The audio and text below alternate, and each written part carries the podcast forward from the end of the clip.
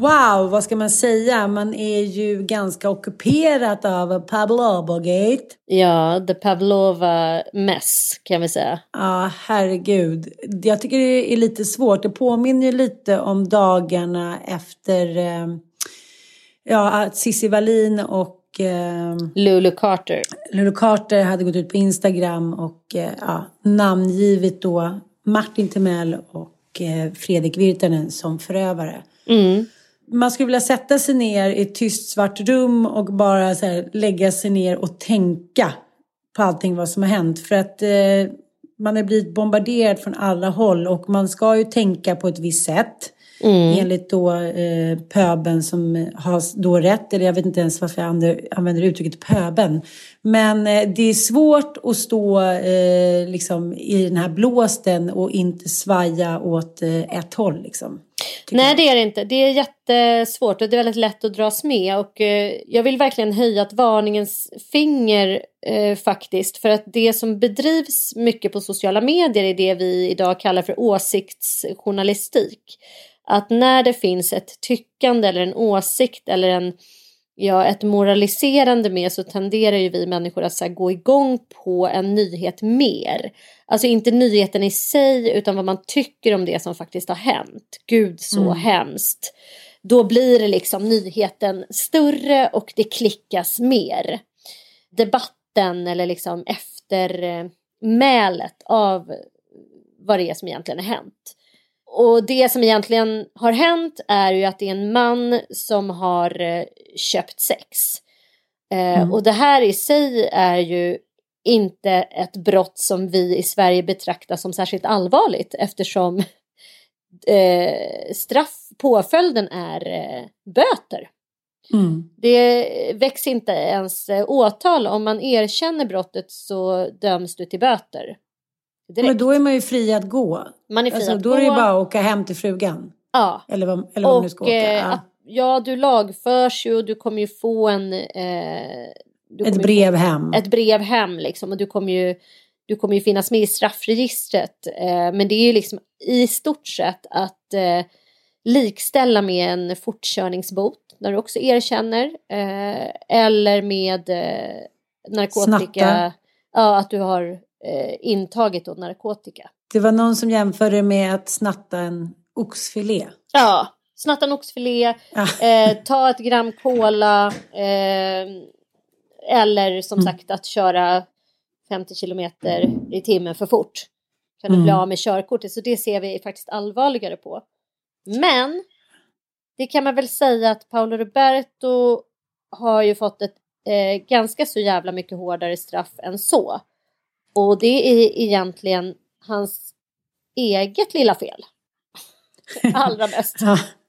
Därför att han inte hade sinnesnärvaro nog att hålla sin Instagram-käft stängd när han Mm. kom hem efter den här ödesdigra natten. För att jag ska säga så här att efter metoo så är jag fullständigt övertygad om att det inte är en enda dagstidning, kvällstidning eller eh, någon seriös media som skulle ha publicerat eh, hans namn. Därför att han har ingen samhällsbärande funktion överhuvudtaget och eh, enligt de pressetiska reglerna så får man inte eh, namnge personer som inte faktiskt har ett till exempel politiskt eh, ansvar. Och, och det har verkligen inte Paolo Roberto utan det hade stått känd tv-stjärna dömd eller så här, tagen för sexköp. Och eh, då hade ju såklart eh, många luskat ut vem det var och särskilt vi som kanske rör oss den här branschen hade fått reda på det på eh, 25 röda sekunder. Mm. Men han, han hade ju ändå kunnat hålla sig kvar eftersom han inte hade varit dömd och eftersom det inte fanns några bevis. Så att då hade han ju kunnat liksom hänga sig kvar. Kanske inte med samma, kanske lite med liksom glorian på sned men jag tror inte att det hade ju inte påverkat. Coop och Ica hade ju inte dragit in hans varor Han, nej, nej, nej. Gud, det är ett stort företag som dessutom delägs av andra personer än just Paolo. Liksom. Så att självklart eh, hade man inte dragit in det och eh, hans övriga samarbetspartners. Tyvärr funkar ju kapitalism så att eh, han, o- o- om det inte vore liksom helt uppenbart för allmänheten att han eh, ha- hade gått det här brottet så hade de hade ju suttit och kalkylerat. Är det värt för oss att ha honom kvar eller är det inte värt? Vad är bäst för oss? Och det är möjligt att till och med typ TV4 hade låtit honom vara fortsatt programledare för Farmen för att ingen kan ju säga annat än att eh, de format han har programlett har ju varit väldigt framgångsrika. En kompis som jag hade pratat med några som jobbar med liksom, produktionen Farmen och de var verkligen helt knäckta. De tycker att han är liksom en fantastisk medarbetare och programledare och så att just där, alltså i, i branschen att jobba med har han ju alltid varit liksom reko och bra. Det är väl kanske mer i, vad ska man säga, morgonsoffer på sina egna sociala medier som han har liksom varit ett eh, ja, men ett rötägg då, eller vad ska man säga? Så här, ja, eller han har väl varit en så här Bert Karlsson typ. Han gillar lite grann att provocera. Han gillar att köra den här lite så här eh, macho-feminismen eller den här liksom där han gått ut med att han är katolik och tycker att män är män och kvinnor är kvinnor. Han kört någon slags macho-ideal men han ska ändå vara den schyssta snubben liksom och kanske inte Ja, men jag menar han har ju ändå varit en väldigt uppskattad personlighet även med de åsikterna ska man säga. Ja, det är ju eh, flera ja. som är buffliga. Det är Aschberg. Ja, det finns ju många som tycker att den där så här, eh, approachen är rätt eh, härlig liksom. Eh, I på något sätt kontrast till alla så här uh, surdegsbakande hipsters som man själv brukar uttrycka det. så fint, ja. Paolo liksom. Och jag menar ja, eh, och, och grejen är den att så här, det är många som drar på höga växlar nu och vill se någon jävla parallell mellan att så ja, han som omfamnar de här machoidealen, det är klart att han köper sex. Liksom att så här, det här är steg ett på någon typ av så här våldsskala, att bejaka den här manssynen. Eh, det vill säga att vara lite så här, eh, man gillar att vara lite kroppsbyggare, gå runt och prata på ett speciellt sätt och gå och liksom vara lite så här våldsglorifierande och sånt där. Och det där vill jag bara säga, Eh, bestämt är fullständig bullshit. Det finns inte en enda studie som visar att hans typ av då macho framtoning eh, skulle gynna våld hos män eh, eller sexköp. De studier som har gjorts visar tvärtom att sexköpare finns i alla samhällsklasser. I, det, det finns liksom överallt, även hos surdegshipsters tyvärr. Men det, det, är väl där jag kan liksom, eh, det är där jag på något sätt stannar till lite i och med intervjun som sen väldigt snabbt gjordes med Paolo Roberto av Jenny Strömstedt och eh, både hennes och TV4s vad ska man säga, försvar är att de vill, vill intervjua honom för att de skulle visa ett annat ansikte av en liksom torsk. Och jag känner så här, nej men vänta lite här nu. Är det någon, känner du någon som tänker så här, och hejsan svejsan, det är ju bara eh, skitiga pundare från eh, Säffle som eh, köper en prostituerad. Alltså det är ju samma sak med alltså, människor som missbrukar eller misshandlar eller liksom super ner sig. Det är ju verkligen alla, alla samhällsklasser. Sen kanske man kan gömma spåren liksom lite bättre när man har stål eller köpa fina viner eller vad är det man brukar säga? Höga häckars helvete brukar man säga om, om kvinnor som handlar, liksom, blir misshandlade bakom höga häckar. Att man på ett annat sätt kanske kan gömma sig med det här att man ska säga att vi vanliga liksom, kreti och pleti inte har förstått att det är alla sorters män. Det är ungefär som att säga men det där yrket är ju världens äldsta yrke. Ja, då borde det väl också vara ja, bokstavligen alla typer av män som köper sex. Ja. Nej men jag, jag håller med dig. Alltså, det är ett fördummande av oss svenskar. Det är mycket efterkonstruktioner här såklart. Ja, det är mycket. Liksom, ja. Och jag kan tänka mig att TV4 höll på att liksom, äh, sätta, jag skita på sig bokstavligen. Just har det här precis hänt då med Martin Timell och de är väl livrädda för att handla liksom i samma gate igen. Mm. För, för det som blir tydligt är också att fyran har okejat den här lite grabbiga... Liksom... Jargongen typ. Ja, ja, men de gillar ju, program, de gillar ju verkligen att så här, deras programledande tjejer det ska vara så här små ärtiga brudar i stora balklänningar eh, med liksom sillisar och supermycket smink. Och eh, deras manliga programledare ska vara så här, men macho män. Den enda som kanske inte så här passar in på det. Det var ju så Jesper Börjesson typ. Men i övrigt så är, eller hur? Det är väl typ den enda så här lite hipsterbetonade gulliga ja, människan de har haft med. Men mm, i övrigt ska honom. alla vara liksom, man älskar ju honom. Och mm. det gjorde säkert tittarna också. Men jag vill ändå, och jag kan ju säga så här, internet sociala medier, alla de här feministerna, alltså jag tänker på Nina Rungs, Katarina Wenstam, eh, Lady Damer, Cissi Wallin, eh, alla de som har ägt eh, kan man säga samtalet efter metoo i väldigt hög mån. Alla de har ju rasat över att Paolo har fått det här utrymmet, att han har fått sitta där och gråta ut hos Jenny och eh, tycker att det är så jävla fruktansvärt. Eh, han ska inte få något jävla strålkastarljus, han ska inte få en endaste liten chans att ge sin sida av storyn. Han ska inte få äga det här. Alltså man, har, man ska bojkotta fyran som har gjort det här. Och Jenny Strömstedt, jag var inne på hennes Instagram eh, samma dag, bara någon timme efter att intervjun har sänts och du vet Folk är helt galna på henne. De, alltså hon har ju typ fått motta, jag ska inte säga dödshot, det kan jag inte svära på, men liksom så här, vi vill aldrig mer se dig. Alltså sån otroligt jävla låg nivå på eh, hur man har hanterat det här. Och jag vill bara säga så här, fuck that.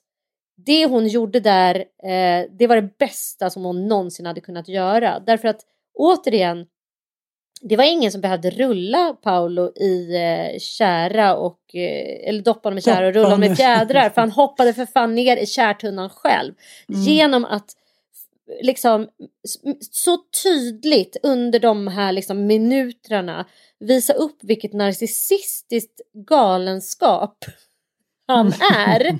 Mm. Och dessutom så erkänner ju han oaktsam våldtäkt, alltså det mm. brottet mm. som han faktiskt kan åtalas för och som kan komma upp i domstol och som kan ge honom upp till två års fängelse. Därför att han sitter och säger att han vet att de här tjejerna inte är där av fri vilja.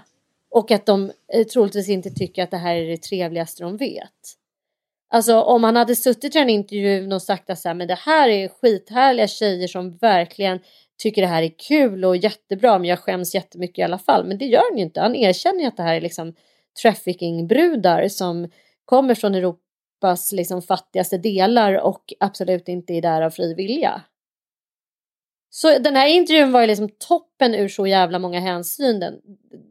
hänseende. Dels att han själv får möjlighet att göra bort sig så fett som han gjorde. Jag tror inte att det finns mm. någon som fattar sympatier för honom efter den där intervjun. Eftersom det framgår vilket egocentristiskt as han är som verkligen mm. bara kan resonera i termer av sin egen utsatthet och prata om sig själv som offer. Och man bara, nej men gud, det finns inte en enda, hur jävla obildad man än är, så tycker man ju bara att han är en jättedjupt obehaglig människa som sitter där mm. i eh, Jenny Strömstedts eh, tv-soffa. Så det var väl toppen att han gjorde jobbet själv. Istället för att eh, Lady Damer och Cissi Wallin måste skrika att han är ett arsle. Han, han, han, han visade ju det med all önskvärd tydlighet. Och dessutom har han bekänt eh, ett brott. Så mm, hade han mm. hållit tyst, eh, krypit in i sin lilla håla, slickat såren, då hade han klarat det här. Men han liksom, han drar ju ner brallorna på sig själv och förstör sitt liv alldeles på egen hand. Eh, alltså, ja. Det handlar ju inte om att han är ångerfull. Eh, han står ju där och har liksom 22 företag, har byggt upp en ganska fet karriär ändå de senaste liksom 25 åren. Ja. Och han inser att så här, allt kommer försvinna. Så det, det, det märker man, det handlar inte om no, liksom någon ånger och det, det fattar man ju själv. Det, man ju liksom, ja, men det vet ju du och jag som har läst mycket om att man hamnar i olika krisfaser. Först är ju chockfasen. Mm. Den pågår i alla fall ja, men, ofta upp till ett par månader. Mm. Uh, och uh, det är som Alex Schulman påpekar också så här, det som för en annan människa skulle ta liksom, år av självrannsakan, insikt, ånger, skam, förlåtelse på nytt födelse, det gick här på mindre än ett dygn. och att det är han som var ett Oj. offer.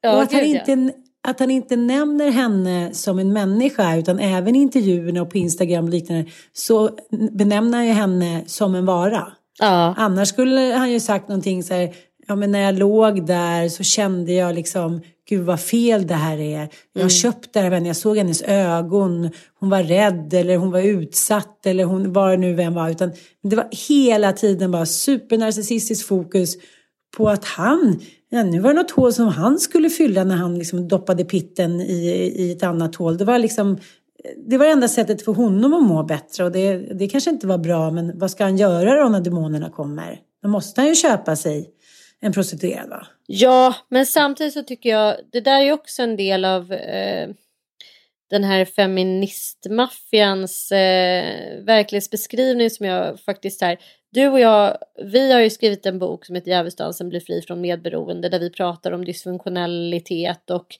eh, dysfunktionella beteenden och vad som händer med en person som växer upp i en familj med alkoholism till exempel. Nu är inte det alls på något sätt jämförbart men eh, där kan man ju väl, verkligen tydligt se i alla fall att, eh, att en ett barn som växer upp eh, med en pappa som alkoholist till exempel kan antingen eh, komma ut som vuxen och vara liksom, eh, extremt medberoende och förhålla sig till eh, andra människor eh, enligt de beteendemönstren. Men det finns ju hälften egentligen av alla barn som kanske själv utvecklar alkoholism. Eh, och det är samma sak med barn som växer upp i våldsamma hem. Att eh, många blir faktiskt själv våldsutövare. Därför att det är ett sätt att på något sätt ta kontrollen över den där utsattheten, att själv då utföra våldet istället för att vara offret. Alltså offer, förövare, det är liksom roller vi på något sätt eh, eh i dysfunktionella miljöer exponeras för hela tiden. Och det är väl klart att i en så här machovärld så Eh, när vi har liksom väldigt tydliga så här, könsroller i vårt samhälle där kvinnor på något sätt eh, premieras när vi är offer i, ett, i högre utsträckning medan män ska vara förövare. Det är också någonting som vi liksom fostrar våra pojkar till att, så här, att vara ett offer för en man det är fullständigt liksom, oacceptabelt. Det är bättre att vara den som slår än den som blir slagen. Eh, det är bättre att vara den som sätter på än att bli påsatt och så vidare. Liksom. Så att, eh, det följer inte väl ut när han liksom går in så jävla nära in på det här sjuka brottet och ska börja liksom psykologisera och freudianisera hela sitt eget beteende. Det låter ju bara så jävla illa. Men samtidigt kan jag ju förstå alltså jag förstår ju ja, hans alltså, poäng. Jag, liksom. Ja, men, det, paniken. Ja, paniken alltså, och att han så ska försöka förklara varför han har gjort det här. Men det, mm. det hade ju varit så jävla mycket smartare att säga att liksom vad fan det, jag, jag, ja, ingen av oss vet ju hur det här gått till. Om han Nej. har liksom polare som har varit så här, gud fan jag vet en bordell som ligger där och där, ska du hänga med? Det är helt sjukt.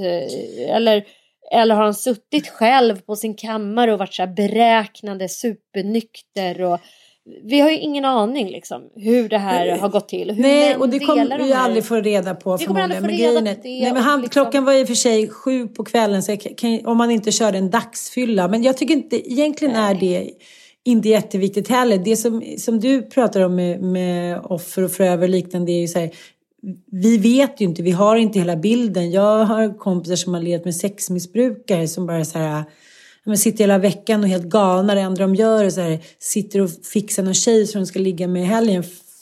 Även fast de är familjefäder och fantastiska män och har fina jobb och har liksom bra värderingar eh, i övrigt. Och du och jag som ändå kan en hel del om missbruk så det kanske finns en mycket, mycket större bild av det här. Men det är ju ingen intresserad av just nu och att vara Paolo Roberto och hamna i det här är ju också en jävligt otacksam roll för det är väldigt många som tycker att det här eh, liksom ja, vad ska man säga, skadeglädjen är ju den enda sanna glädjen brukar man säga. Och, det och den är just som... nu helt enorm. ja, för fan, den är liksom Nej, men den är, den här, Det här är värre än tycker jag med Martin Timell. Därför att, och det handlar ja. om att Martin Timell har aldrig suttit i någon debatt och hävdat Nej. att surdegshipster inte får ligga med sina fruar och uh, har liksom... Syltryggen. Alltså, ja, syltryggen. Han, han är inte uppe och så här hetsar människor med sina Instagraminlägg där han gör yoga och så här mm. tre timmar om dagen, eh, driver fyra företag och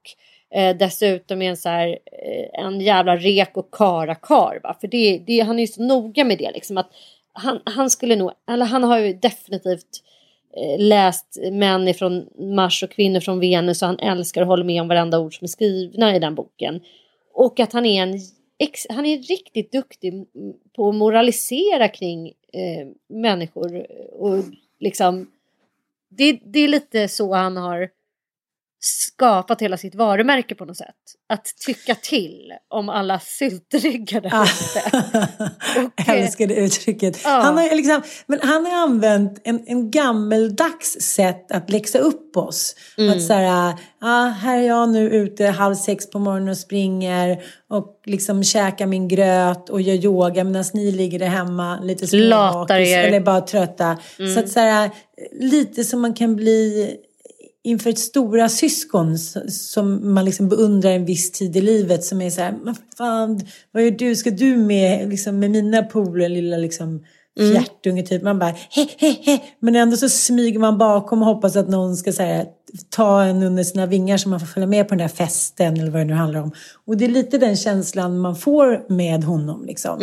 Eh, och det är ju den bilden som han också har ja, men på något sätt vattnat. Att han är så här, jag är italian och jag tar hand om min familj. Och jag har ju suttit med honom TV4 och hans exfru Lena där, det har varit, där vi har samtalat bland annat om ekonomi. Där han har sagt så här, men jag har gett Lena hälften av alla mina företag. Och hälften. Han vill vara han gillar ju liksom- hemmafruar och sådär. Ja, han vill vara en ju modern italienare. Ja. Jo, precis. Och då vill han vara rättvis mot henne. Va? Mm. Och nu, nu var han med i Framgångspodden och då berättade han hur vidrigt det var att skilja sig och så här. Och, men att man inte får hata varandra utan det hjälper ingenstans. Och de köpte, de delade på tomten. Hon fick bo kvar i huset och de satte upp en Berlinmur och han bodde på andra sidan. Va? Så att han vill framställa sig själv som en så här, ja men lite 50-tals rekosnubbe som är med i amerikanska filmer liksom. Hatten på svaj och lite korta brallor och så här. Ah, Sätter på frugan på fredagar, kommer hem med pasta och liksom en kalvstek. Han är lite som i maffiafilmer. Ja, verkligen. Och så Ja. visar det som att han eh, var den som minst tog hand om familjen. Han gjorde det största sveket. Jag, jag kan tycka att man kan liksom missbruka och man kan stjäla och liknande. Men att, att bara svika sin familj på det här sättet genom att gå till en prostituerad, det är nästan det största sveket man kan göra. I Sverige ska vi säga, för att i andra kulturer så är det ju inte alls så. Inte för att det är på något sätt ett försvar. Men, men i Sverige är det så här, om du knullar vid sidan, det är inte som i Frankrike. Att man Ja, men fast vet du vad jag tror? miss- Jag, jag tror så här. Mm. Tyvärr tror jag inte att det här stämmer. För jag tror att så här, eftersom var tionde svensk har gjort det. Och det sker hela jävla tiden. Det är så en enorm handel som pågår. Det liksom, finns sajter där ute där det är så här, män köper sex och de gör det hela tiden. Och de är, fort, de är gifta och de har barn och de gör det när deras fruar är gravida och så här. Och jag tror så här att jag tror att det är skitmånga som ser mellan fingrarna med det men eh, bara inte kommer ut. Men det är liksom den här den offentliga skammen, det är typ det som är det värsta för, för eh, hans familj nu på något sätt. Tror jag. Att alla andra får möjlighet att så här rull, rulla honom i fjädrar och liksom, eh, att han får sitta här vid skampålen nu och hela den biten. Liksom. På något sätt. För att det är, så här, det, det är liksom upptryckt överallt. Han har liksom tapetserat hela eh, ja, men hela den mediala landskapet med bilden av sig själv med en stor torsk i pannan. Alltså det är liksom, jag vet inte. Och jag, jag, jag har också resonerat väldigt mycket med mig själv kring det här moraliserandet. Det är väldigt lätt att åka med i det. Det är väldigt lätt att vara så här, ja det här, han är, det är sånt jävla svin och han måste ju vara, en- liksom, hela han är bara så här, han är helt överskuggad. Det finns plötsligt ingenting med Paolo som är bra. Hans, till och med hans jävla pasta smakar skit. Fast det gör den ju inte. Den är faktiskt jättegod fortfarande. Och helt ärligt, jag kommer faktiskt sörja att de slutar sälja de här produkterna. För de är skit. Men de kommer ju sälja dem, de kommer ju byta namn De på får ju dem. branda om dem, men det fattar man ju. Det är, liksom, Franco. det är hans exfru som äger delar av företag. Ska liksom, kom igen, det där är bara ett hyckleri tycker jag. Eh, Mm. Och sen kan man ju vilja supporta sexköpare eller inte, men liksom eh, vi har ju ingen aning om vilka karar vi har kring oss som är sexköpare. Var tionde är ju det liksom. Det är svårt om Ja, man ska men- bojkotta var tionde jävla man. Om vi nu vet att var tionde man eh, har gått en prostituerad, ja då, då finns det ju alla samhällsklasser. Det finns sådana som är psykiskt sjuka, det finns de som är friska, det finns de som tränar, de som är överviktiga. Alltså det, det finns alla typer av män. Men o- o- om man ska tänka då varför många av de här männen gör det så är det ju såklart att det, det är en, rent känslomässigt så behöver du inte engagera dig lika mycket i att liksom uppvakta en kvinna som att eh, betala för en tjänst. Det fattar man sig. Sen finns det ju vissa som faktiskt inte, som säger själva att jag har inga andra alternativ. Det, det finns ingen annan kvinna som vill ha sex med mig. Mm. Och sen finns det ju de såklart som är missnöjda med sitt eget sexliv. Frugan är hemma, ställer inte upp på något och sur och så här. Och så finns det ju de som bara älskar den där känslan av att så här, ja men små människor som vill ha makt. Jag tänker lite på Hagamannen. Ja. jag vet inte varför han dök upp i huvudet men som är så här, ja det finns någonting i det där. Okej jag kanske inte blev en så lyckad jävel men jag kan liksom bita örat av dig och nästan döda dig och våldta dig och ingen kan sätta dit mig. Ja, men, det här är en psykologisk liksom, tanke som vi alla har, liksom, har ja, men, de här typen av män. Mm. Men om man tänker då på Paolo så det är väl därför som det blir en så, ett sånt fall för honom när man ser allt han har. Och där återkommer man ju ofta till så här, hur kan han göra så här mot sig själv? Och då mm. påstår han att det här är ett skadebeteende han har. Självskadebeteende, ja. Ja, precis. Och, jo, men, men det är inte den bilden han har gett mig. Vissa kända människor, framgångsrika människor, har gett mig bilden av att de har ett självskadebeteende. Till exempel eh, Per Holknekter som eh, var gift med med eh, Victoria Tolstoy Precis, och Lena Philipsson och, som startade Odd Molly har varit så här sjukt framgångsrik. För mig framstår han som en, så här, en liten stackars eh, fågel Fenix-skuttare som är så här, han bygger upp miljardföretag och sen måste han på något sätt så här, förstöra både sina relationer och sina företag. Han har själv berättat om det i olika poddar. Vi kan lyssna lite på den här. Ja, och jag tror inte att det var de pengarna som var det avgörande utan jag tror att det var det att hon vågade tro på mig och fick mig att förstå att hon trodde på mig och väckte mitt hopp igen. Och det är ju gratis, det kostar ju ingenting och det här kan vi göra mirakel med varandra här i vår lilla värld. Mm. För att idag så när vi talar så väldigt mycket om hur så många människor mår så dåligt mm. så tycker jag att det är hög tid att vi försöker väcka hopp i varandra istället för att tala om för varandra hur jävla dåligt vi mår. Mm. Här berättar han att när han är lycklig och känner sig framgångsrik då finns det liksom ingenting kvar. Det är ingen, han får ingen kick av det. Det känns inte kul. Det, liksom, det ger honom ingenting. Och då finns det liksom ett självskadebeteende i att han då förstör för sig själv på ett eller annat sätt. Både relationer och yrkesmässigt. Men jag, förlåt, jag kanske har fel och jag kanske inte ska uttala mig men det är inte det intrycket som Paolo Roberto har gett mig. Han har gett mig ett väldigt sansat intryck av att målmedvetet år efter år bygga sin karriär och sin profil och jobba stenhårt både med så här, kropp och jobb och själ och relationer. Han har varit liksom den moderna mannen som har stått med ett ben i 50-talets robusta karakar som försörjer och i nästa liksom ben med så här, ja men jag är ändå rättvis och delar med mig och en sund kropp. Men är inte han också liksom. själva sinnebilden av en människa som tycker att Per Holknekt är en syltrygg?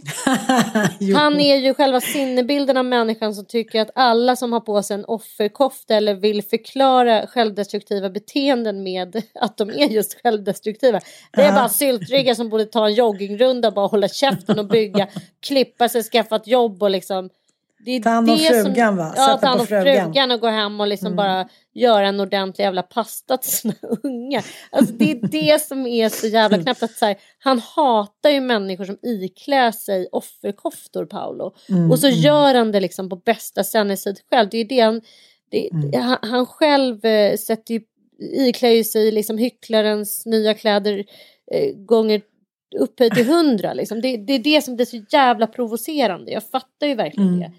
Men, eh, men samtidigt så tänker jag att man verkligen ska så här, passa sig för den här skadeglädjen och passa sig för att så här, ja, någonstans, jag försöker alltid sansa mig. Det är som, jag vet inte om du har hängt med i caset eh, Lilla hjärtat? Jo, jo. Det är också, alltså vi har ju tre rättsfall nu som har engagerat. Eh, Lilla hjärtat, alltså den mm. treåriga flickan som fick flytta hem från sin fosterfamilj till sin eh, biologiska mamma och som sen under väldigt tragiska omständigheter eh, alltså dog. Och nu är ma mamman då, den biologiska mamman, eh, hon är åtalad för mord. Och eh, även brott mot griftesfriden och eh, även så här, grov misshandel.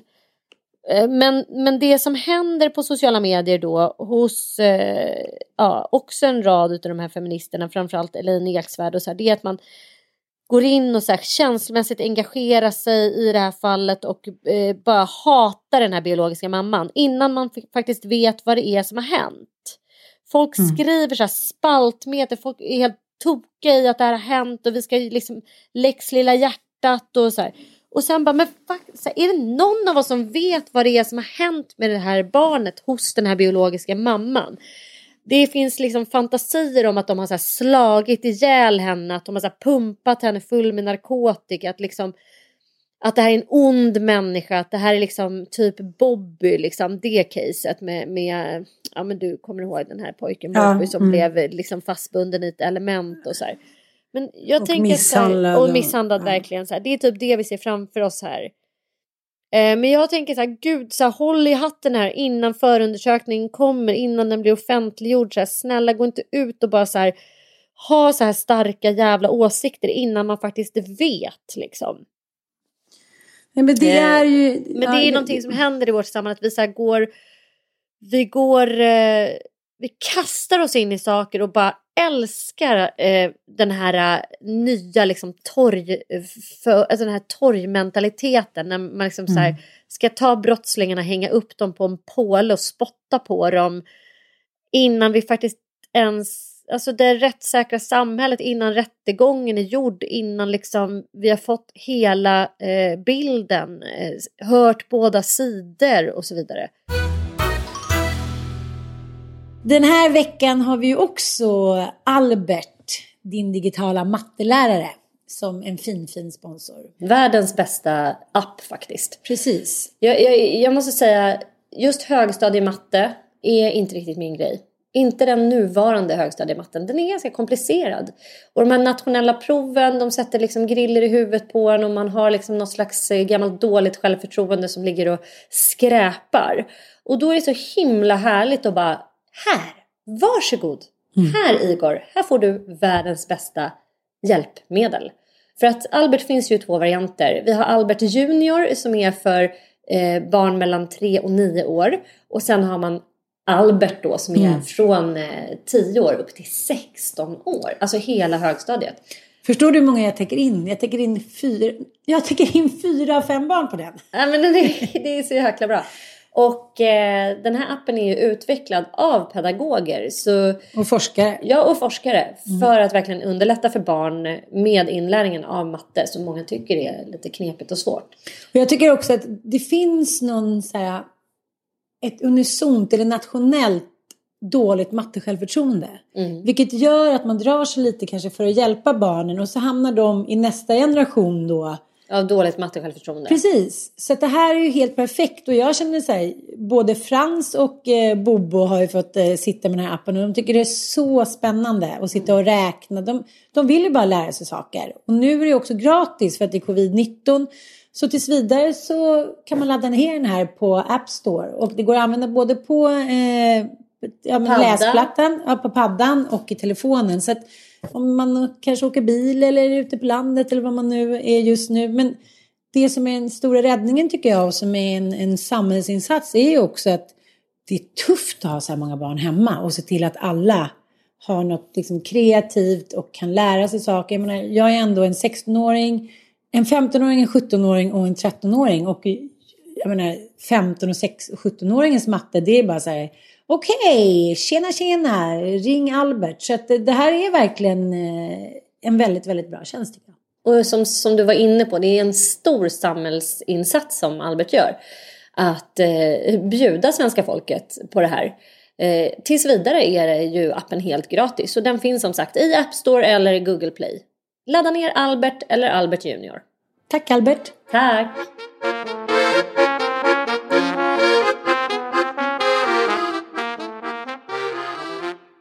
Men, men det är ju som att Now more than ever, it's important to keep your family's garments free from bacteria. Fortunately, the Turbo Extreme Steam handheld steamer kills 99.9% of bacteria on face masks, shoes, coats, and any other garments they may wear when they venture outside the home. It's the most powerful handheld steamer with the turbo setting that quickly smooths away even the toughest of wrinkles. Works great on all kinds of clothes, delicates, shirts, you name it. Heats up fast and gives clothes that professionally press look in minutes.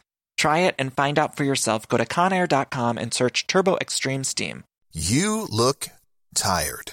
I take it the caffeine toothpaste and adrenaline face serum aren't working? Well, maybe you should ask Santa for a Nectar mattress this year. And if the big guy brings you another unicorn finger puppet, don't worry, because mattresses start at just $499. And you get $399 in accessories thrown in, as well as a 365 night home trial and a forever warranty. Go to NectarSleep.com today. Som du också sa, så här, det är viktigt nu att man pratar med sina pojkar. Vad det kan jag de? säga, Vad det tycker jag de? varit det bästa med den här helgen. För att Mm. våra barn eh, vet ju vem Paolo Roberto är eftersom han är programledare för Farmen.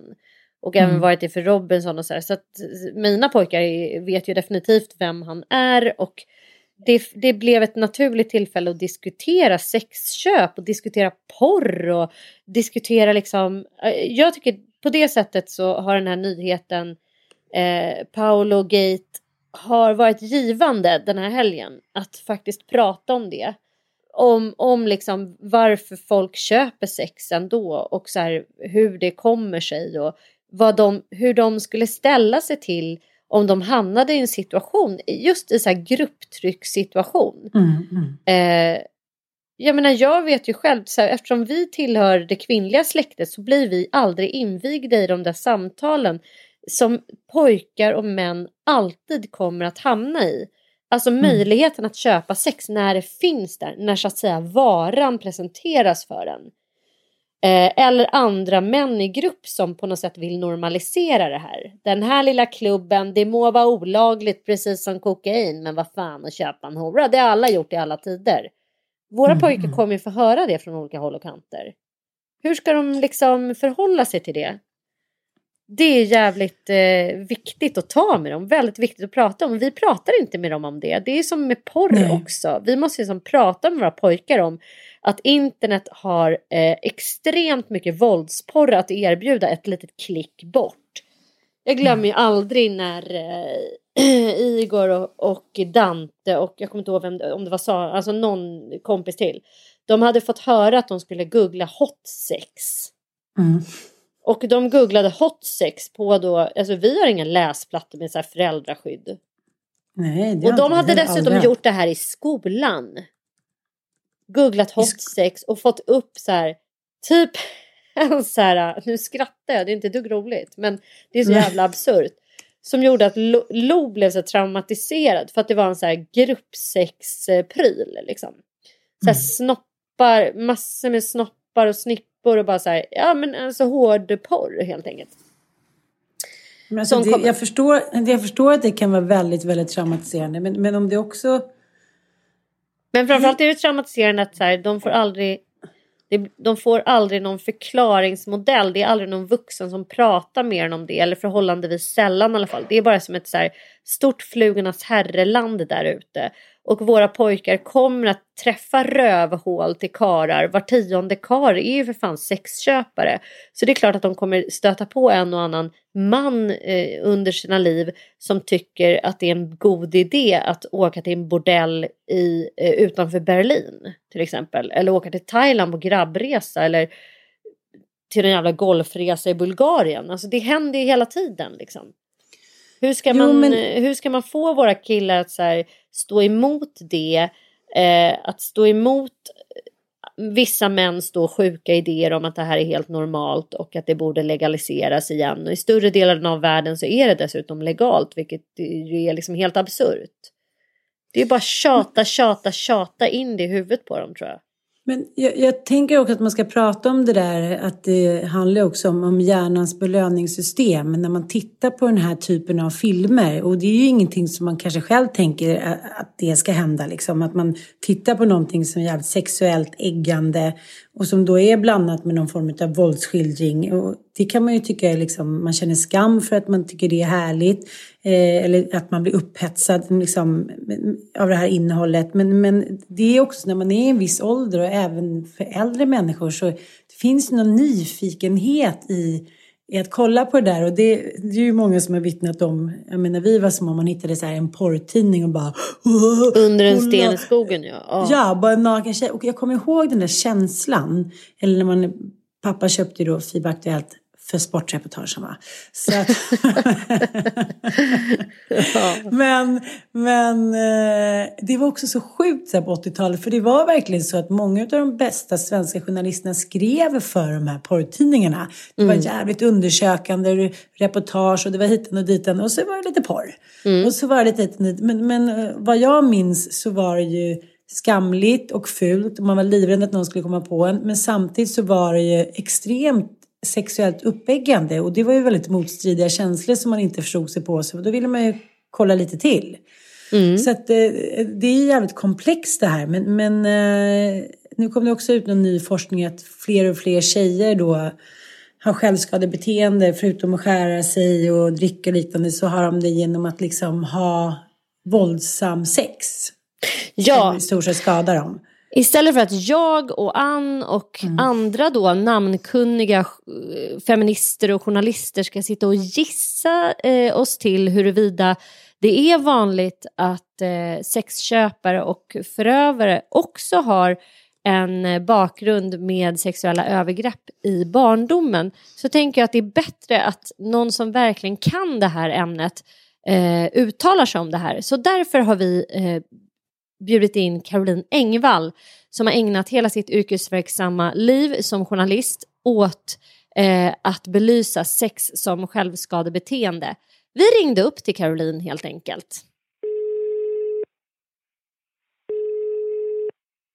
Hej Caroline! Tack för att du vill vara med in till din morsa. Tack så mycket. Du, eh, nu är det ju rätt många år sedan du skrev 14 eh, år till salu. Kan du inte bara kort mm. berätta hur det kom sig att du skrev den här boken? Jag var chefredaktör på ungdomstidningen Frida och där fick vi väldigt mycket brev från våra unga läsare, framförallt tjejer men också killar, som berättade om ensamhet på olika sätt. Eh, det var den gemensamma nämnaren och man kände att man hade liksom ingen att prata med, ingen vuxen. Så då vände man sig till oss som jobbade på tidningen. Och ett av de brev som jag fick var från Tessan som sedan många år senare skulle komma att bli huvudperson i 14 år till salu. Men hon berättade en historia som jag aldrig hade hört talas om tidigare. En tjej som kom från en helt vanlig familj i Mellansverige. Eh, duktig i skolan, men efter ett övergrepp när hon var på väg hem från stallet så bestämde sig Tessan för att aldrig berätta om det här för någon vuxen. Och när hennes kompis föreslog att men, vi horar så tyckte inte Tessan att det var någon stor grej utan hon kände att hennes kropp var så förstörd efter det här övergreppet. Och hon började ta kontakt med sina egna våldtäktsmän för att skada sig själv både fysiskt och psykiskt. Hon dels behövde bekräftelsen men å andra sidan så ville hon också höra hur värdelös hon var. Och det här eskalerade väldigt snabbt för Tessan och hon tog kontakt med väldigt våldsamma personer som hjälpte till att skada henne. Alltså att använda ett självskadebeteende men man använder någon annan. Och det här har ju verkligen blivit högaktuellt nu ämne, självskadebeteendet med sex, just med det vi pratar om i podden idag med Paolo Roberto. Ja, precis. För att alltså Paolo åkte ju dit i en razzia natten till lördagen. Eh, hade varit i en lägenhetsbordell och eh, köpt sex då, eller köpt ett övergrepp. Jag tycker att det är mer riktigt att beskriva det på det viset. Eh, mm. För att det, det händer någonting också i hur vi pratar om det eh, som normaliserar på något sätt. Alltså han, har, han köper en, en våldtäkt då på en annan människa. Och han erkänner det här brottet och sen eh, går han hem och sätter sig direkt och instagrammar om att han har gjort det här fruktansvärda. Vilket ju väcker eh, mycket nyfikenhet eftersom han är en offentlig person med väldigt många följare. Och man börjar liksom undra vad det är som har hänt. Och eh, kort därefter så görs det en intervju eh, i Nyhetsmorgon. Eh, Jenny Strömstedt intervjuar honom där han då eh, gör en pudel, eh, får man väl lov att säga. Alltså han berättar vad han har gjort eh, och han eh, passar på att göra sig själv till ett offer i den här intervjun. Och att Jenny kanske inte var tillräckligt hård då tillbaka mot Paolo. Och det där eh, har ju stört eh, väldigt många att han passar på att försöka beskriva sig själv då som eh, våldtäktsköpare. Eh, som att det skulle vara ett led i hans självskadebeteende på något sätt. Ja. Och där blev vi så jag och Ann bara så här, men gud finns det några studier som visar vilka de här männen som köper sex är och är det så att de också har övergrepp i sin eh, bakgrund eller historia precis som att många av de kvinnor som eh, säljer eh, sig själva har eh, blivit utsatta för övergrepp i barndomen. Va, va, har, du, har du någon statistik på det eller finns det några studier som visar vilka det är som köper män? Eller mm. köper sex? Ja, och det du sa nu, köper män, det är faktiskt så att det är inte bara kvinnor som blir utsatta och blir köpta av personer utan det är också män och det behöver vi komma ihåg att både tjejer och killar, pojkar och flickor, män och kvinnor och allt däremellan, alla könstillhörigheter kan bli utsatta av andra personer. Mm. Eh, men jag tänker väldigt mycket om det här och efter 14 år till salu så fick jag ju extremt mycket brev från unga personer, framförallt i alla åldrar, som berättade om just den här utsattheten och ensamheten. Att vilja ta kontakt med andra för att skada sig själv. Mm. Och eh, det som jag tänker med, med Paulus uttalande att det är en form av självskadebeteende. Jag skulle väl vilja eh, kanske ta bort ordet själv och säga att det är ett skadebeteende. Att man förstås skadar andra, men man skadar ju faktiskt också sig själv. Så jag kan ge honom lite rätt i det här. Mm. När du pratar om statistik så vet man att de som köper sex det eh, kan vara precis vem som helst. Vi kan inte se på ytan vilka de här personerna är. Mm. Och det är väl det som också kanske gör oss så förvånade gång på gång att det är tv-kändisen, det är den högt uppsatta chefen, eh, det är familjefadern. Eh, för 98 procent som köper sex är män. Men det finns också kvinnor som förgriper sig på andra. Eh, även om männen är i majoritet. Men om man tittar på vilka de är och vad de har för bakgrund så kan man se i studier att det kan vara lätt att tänka att alla som förgriper sig på andra har själva varit utsatta. Mm. Man kanske vill ta tillbaka kontrollen, man vill ha makt över en annan person. Det kan vara olika anledningar. Precis som de som utsätter sig själva som Tessan gjorde har lite samma eh, Eh, anledningar att göra det här. Man vill ta tillbaka kontrollen över det här övergreppet så man utsätter sig för det igen. Men det är långt ifrån alla som själva har varit utsatta. Man brukar säga ungefär 20 till 30 procent. Och det är precis lika sorgligt varje gång. Precis som Paolo berättar att han har varit utsatt och att han sen då tar sig rätten att ta makt över en annan person på samma sätt. Men däremot så finns det faktiskt en röd tråd i de här personerna som förgriper sig på andra. Mm. Och det är att man känner sig försummad, ensam och inte sedd av vuxenvärlden i barndomen. Och det här tycker jag är väldigt intressant att det är den röda tråden att majoriteten av de som förgriper sig på andra eller köper ett övergrepp beskriver just den här ensamheten. Och det är ju någonting som vi alla vuxna, alltså inte bara vi som är föräldrar utan alla som har barn runt omkring oss faktiskt kan göra någonting åt. Att vi kan vara engagerade och uppmärksamma de barn, också de som på ytan ser ut att må ganska bra. För det kan ju vara de som mår allra sämst och sätter upp en fasad. Mm. Det här tycker jag ändå eh, var rätt spännande för att eh, som du sagt mellan 20 och 30 procent då finns det ju ändå ett uns sanning i att, eh, att Paolo då faktiskt i viss mån då kan beskrivas som någon typ av offer. Givetvis om man går tillbaka till hans barndom. Liksom. Det, det är ingenting som överhuvudtaget ursäktar det han har gjort eller att eh, han förtjänar liksom, förståelse för det. Men det kan ändå vara en förklaring och det, det är väl det man är intresserad av att veta. Och sen kan jag tycka att det är extremt klantigt av honom att liksom lägga fokus på sig själv i just det här eh, sammanhanget. Alltså han hade mm. kanske kunnat förklara det här om, om ett halvår eller liksom för sina nära och kära som verkligen vill ha en förklaring till varför, varför det här kunde ske och varför han har gjort mm. på det här viset. Men eh, eh, så det, det, är väl bara ett liksom olyckligt tillfälle men för att kunna förstå varför män ändå, varför, varför prostitutionen ens existerar och är ett väldigt stort problem. Vad säger man, var tionde man har någon mm. gång eh, köpt övergrepp. Och, och, och då är det liksom inte en, en liten så här nål i en höstagsskeende utan det här är ju någonting som pågår hela tiden runt om oss överallt. Och för att kunna... Ja, det är det. Ja. På ett sätt kan man ju då vara tacksam för att det här kom upp nu. Eh, det är, eh, jag tycker det är lite problematiskt att det blir en person som blir en galjonsfigur för den här frågan för det här är någonting som pågår hela tiden, dygnet runt och det är fruktansvärda saker som både barn och vuxna personer utsätts för. Mm. När man pratar om just sex som självskadebeteende så kan det vara väldigt svårt för en utomstående att förstå de här mekanismerna. Varför vill man gång på gång ta sig till en förövare som utsätter sig för de här fruktansvärda sakerna. Men det handlar just om bekräftelsen, i viss mån om fattigdom också förstås, att man har blivit lurad eller hotad in i någonting. Mm. Men också av det här som Paul också har beskrivit i intervjuer, det här hålet i själen som också de som jag möter, de utsatta, eh, beskriver precis på samma sätt. Jag har ett hål i själen som jag behöver fylla och det gör jag med hjälp av destruktiv sex. Så för en enda liten sekund så känner jag att eh, koppla bort allting. Jag kan försvinna och då minskar den här ångesten som man hela tiden känner.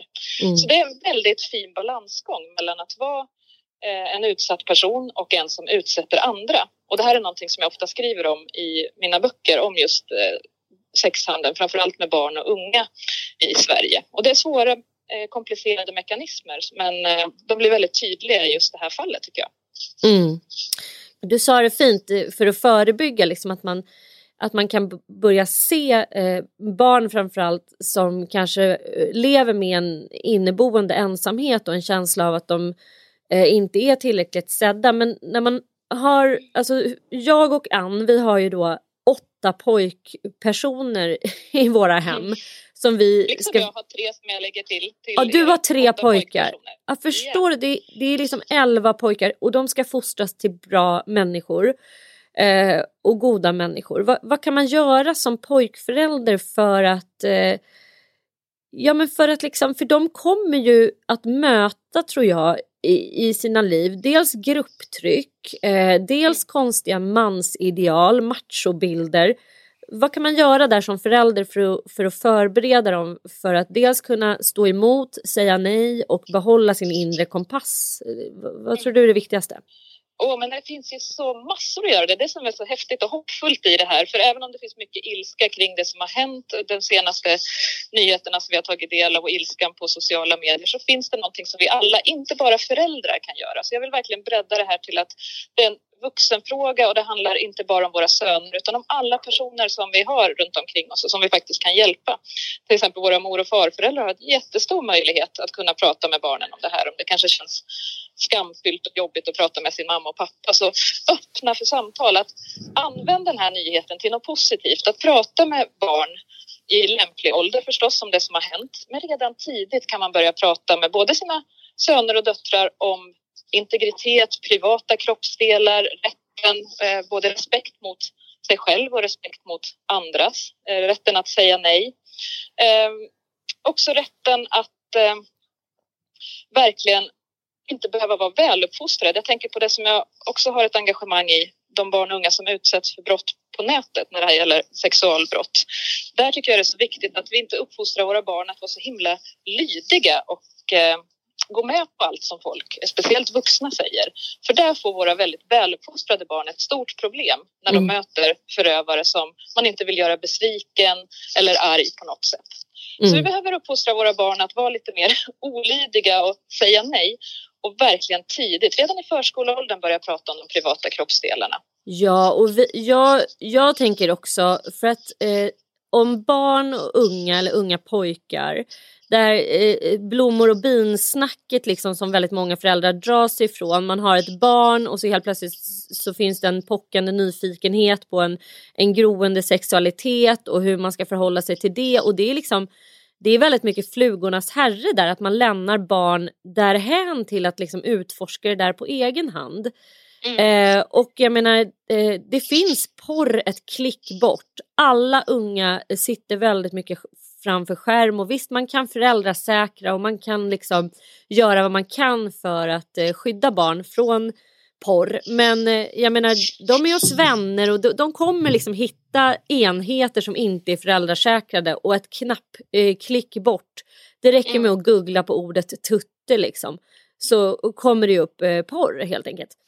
Mm. Eh, så jag pratar faktiskt väldigt mycket med mina barn om liksom vad porr är, vad porrindustri är och att det, att det är skapat också för att eh, skapa kickar hos barn och unga så att de ska vilja se det igen och igen och igen. Att det liksom är som att presentera en form av eh, liksom väldigt gott godis, lockbeten hela tiden liksom för att locka in framförallt unga pojkar och män in i den där världen. Eh, så, så jag försöker också ha ett så här sunda samtal om sex med dem. De tycker jag är jättepinsam mm. men eh, de får tycka det. För att det är bättre ja. att, eh, att jag förklarar för dem än att, äh, än att internet gör det. Liksom. Och precis, och vi får inte låta porren bli våra barns sexualundervisning utan det här är envisa samtal som vi tar i små, små portioner lite då och då. Att vi inte väntar på det här stora samtalet utan när sådana här tragiska nyheter händer, även om vi vet att de pågår hela tiden, mm. så kan vi använda det ändå till något positivt och prata med våra barn för att kunna förebygga tidigt. För skulle det inte finnas någon efterfrågan på att köpa en annan person, då hade inte vi behövt ha den här diskussionen överhuvudtaget och det är dit vi vill komma. Mm.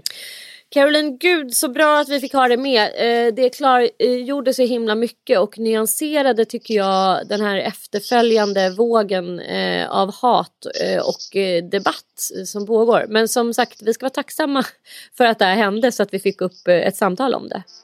Tack!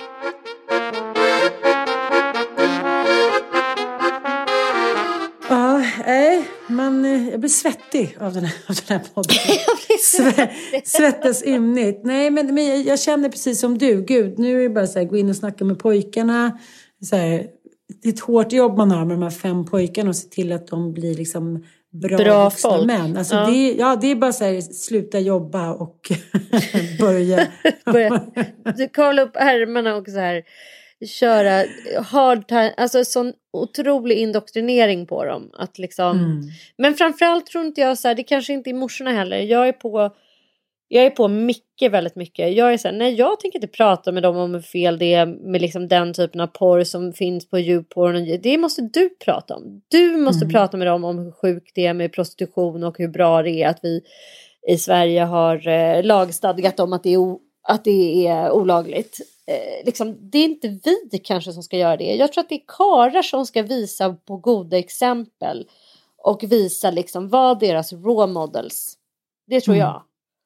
Men, men, där tycker jag överhuvudtaget att det verkar finnas någon, så något, fortfarande den här känslan att det är något lite pinsamt av att, att prata med sina barn om sånt här. Mm. När jag berättar att jag gör det så blir ju så här, vänner och bekanta, jaha, jaha, du lägger fram kondomer, du, du pratar om hur de ska kyssas. Ja, vem ska annars göra det? En porrfilm? Mm, precis, ja, jag det, håller med. Det är fan det är min här, skyldighet. Ja, det är vår skyldighet mm. att så här, prata om mm. så här, ja men gud, Igor klämde ur sig någon så här, jag blir tokiga på att så här, jag vet inte hur det kommer sig, men han använder liksom så här, ja men ord, så här, fan vad då är du bög eller? Kom han hem och sa. Jag bara, mm. ursäkta vad säger du för någonting? Det, blir, det är så ett skällsord som används bland barn eller liksom unga i skolan. Eller så här, för att hemifrån har den ju definitivt inte fått det. Liksom. Nej, och man bara, det är en alltså, jargong. Vad är det för jävla jargong? Var kommer mm. den ifrån? Vad är det för jävla snubbar? Jag trodde han gick i en PK-skola som ändå liksom... Men ändå så smyger det sig in liksom. Om det kan komma från den skola där våra pojkar går i som är så här... Ursäkta mig men det måste vara Sveriges mest PK Alltså politiskt korrekta skola med liksom samlad kulturelit föräldraskar. Eller hur? Det kan du ju ändå hålla ja, med om. Nej, jag håller med. Ja, men alltså, och, och kommer, han kommer ändå hem därifrån och säger liksom jävla bög eller något sånt där. Är du bög mm. eller? Alltså på ett så här vidrigt sätt. Så jag menar, jag det är vet. klart att den typen av jargong, den typen av så macho, alltså att det bara finns där och frodas och växer och någonstans kommer ifrån och man bara försöker spåra. Så det är liksom ett hårt jobb och, och någonstans får man väl ändå vara glad för att så här, 80% av eh, en människas värderingar eh, någonstans ändå formas i hemmet. Så man får ju försöka jobba hårt då. hårt, hårt, hårt med att liksom pränta in sunda och goda ideal. Och liksom, men det hjälper inte att säga så. Jag bara, men vad fan är du dum i huvudet? Så jag förstår inte. Liksom... Jävla hora, lägg av. Alltså det är hemskt. Det är så jargong som, grabbig jargong som ändå liksom får fäste i dem på något sätt. Ja. ja. Ibland kan det kännas hopplöst. Vi får sova på saken och hitta nytt mod och hopp imorgon. Det ska gå att vända, det ska gå att ändra. Jag tror att det går snabbare än vad man tror. Ja, men det, det absolut. Det är klart att det går att vända. Det, det har ju hänt sjukt mycket bara under vår livstid. Så det är klart att det kommer gå att vända.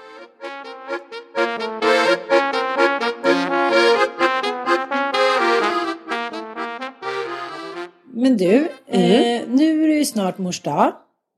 Jajamensan. Precis. Och På i- söndag närmare bestämt. Mm. Om en liten vecka. Ja. Man undrar vad de hittar på där hemma. Ja, det är lite olika från år till år. Lite- Ja, det kan, kan man ju verkligen säga.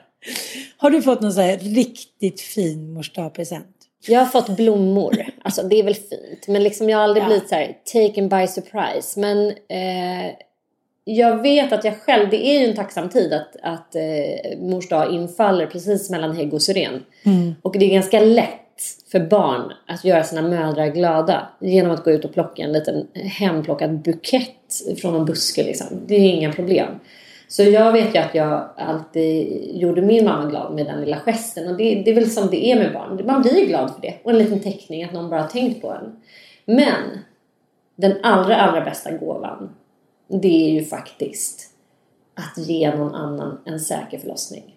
Precis. För 180 kronor så kan man gå in på läkarmissionen.se och så swishar man 180 kronor och då eh, bidrar man till att en kvinna i tredje världen i, i ett utsatt område får en säker förlossning.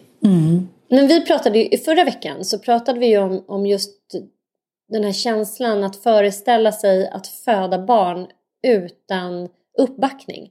Utan läkarhjälp eller barnmorska som faktiskt ser till att man föder säkert. Och det är ju faktiskt en helt absurd tanke. Vi frågade ju också er lyssnare och våra följare på Instagram eh, hur, hur ni skulle liksom, hur det skulle kännas för er.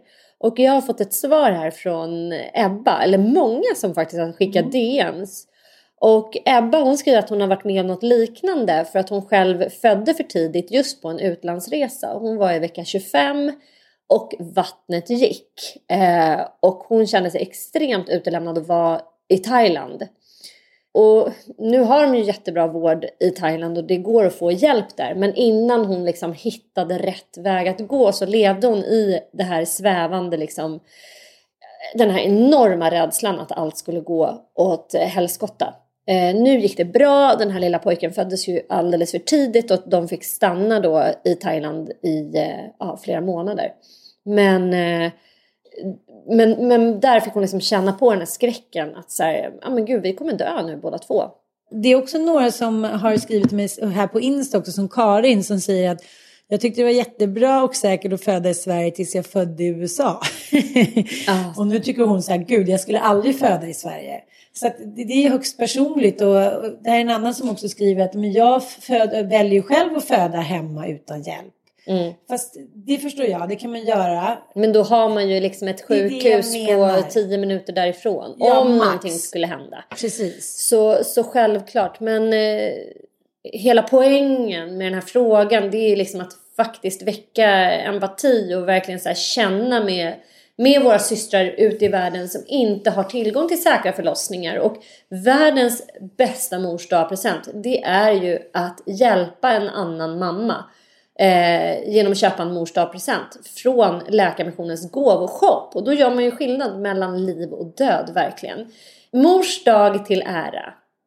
Då swishar ni 180 kronor till 90 00 217. Ni kan också gå in på läkarmissionen.se, ladda ner ett gåvokort som ni sen kan skicka smidigt antingen via mail eller sms i dessa coronatider till din egen mamma eller till någon annan mamma som du gillar. Ja, Jag tänker skicka till dig faktiskt. jag tänkte skicka till dig, man kan också skicka till en pappa som man gillar. Mm, det Eller en blivande mamma. Så kan man också ge den här presenten till sig själv. Ja, det kan man. Mm.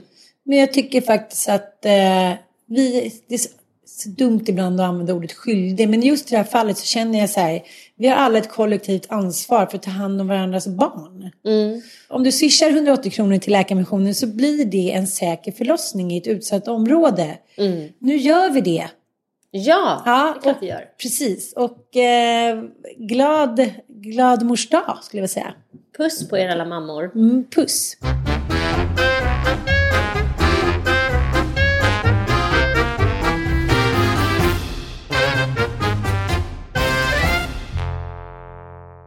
Och för er som vill lyssna på ännu mer vinklar och snack om Paolo Gate så har jag och Anita spelat in eh, två avsnitt där vi intervjuar Julia, en före detta prostituerad och strippa med eh, missbruk. Och eh, författaren och journalisten och debattören Katarina Wenstam som pratar om det här problemet i stort. Så gå in på Lille Lördag så kan ni förkovra er ännu mer. Det här är ett spännande ämne. Hej då!